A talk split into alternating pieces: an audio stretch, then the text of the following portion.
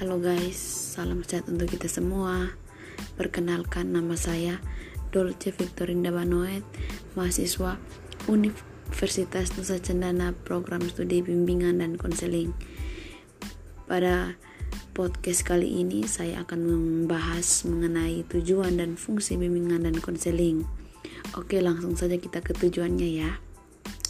Nah, tujuan bimbingan dan konseling ini adalah untuk membantu individu memperkembangkan diri secara optimal sesuai dengan tahap perkembangan dan predisposisi yang dimilikinya seperti kemampuan dasar dan bakat-bakatnya. Berbagai latar belakang yang ada seperti latar belakang keluarga, pendidikan, status sosial ekonomi serta sesuai dengan tuntutan positif lingkungannya. Nah, secara khusus Layanan bimbingan dan konseling itu memiliki tujuan sebagai berikut. Yang pertama itu merencanakan kegiatan penyelesaian studi perkembangan karir serta kehidupan peserta didik di masa yang akan datang.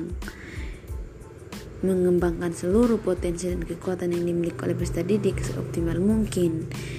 Terus menyesuaikan diri dengan lingkungan pendidikan dan lingkungan masyarakat.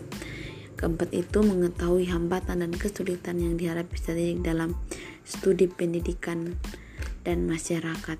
Nah, selanjutnya itu bimbingan dan konseling berfungsi sebagai pemberi layanan kepada peserta didik agar eh, masing-masing e, peserta didik itu dapat berkembang secara optimal sehingga menjadi pribadi yang utuh dan mandiri. Nah, teman-teman, adapun fungsi-fungsi bimbingan dan konseling yang pertama itu ada fungsi pemahaman. Nah, fungsi pemahaman itu yaitu fungsi bimbingan dan konseling yang akan menghasilkan pemahaman tentang sesuatu oleh pihak-pihak tertentu sesuai dengan kepentingan pengembangan peserta didik. Yang kedua itu ada fungsi pencegahan. Fungsi pencegahan itu yaitu fungsi bimbingan dan konseling yang menghasilkan tercegahnya atau terhindarnya peserta didik dari berbagai permasalahan yang mungkin timbul yang akan dapat mengganggu, menghambat, ataupun menimbulkan kesulitan, kerugian-kerugian tertentu dalam proses perkembangannya. Yang ketiga itu adalah fungsi pengentasan. Nah, melalui fungsi pengentasan ini, Pelayanan bimbingan dan konseling akan menghasilkan terentaskannya atau teratasinya berbagai permasalahan yang dialami oleh peserta didik.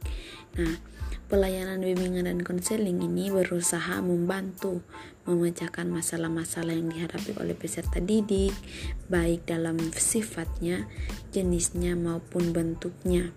Yang berikutnya itu ada fungsi pemeliharaan dan pengembangan. Nah, Fungsi pemeliharaan dan pengembangan itu adalah fungsi bimbingan dan konseling yang akan menghasilkan terpeliharanya dan terkembangnya berbagai potensi dan kondisi positif peserta didik.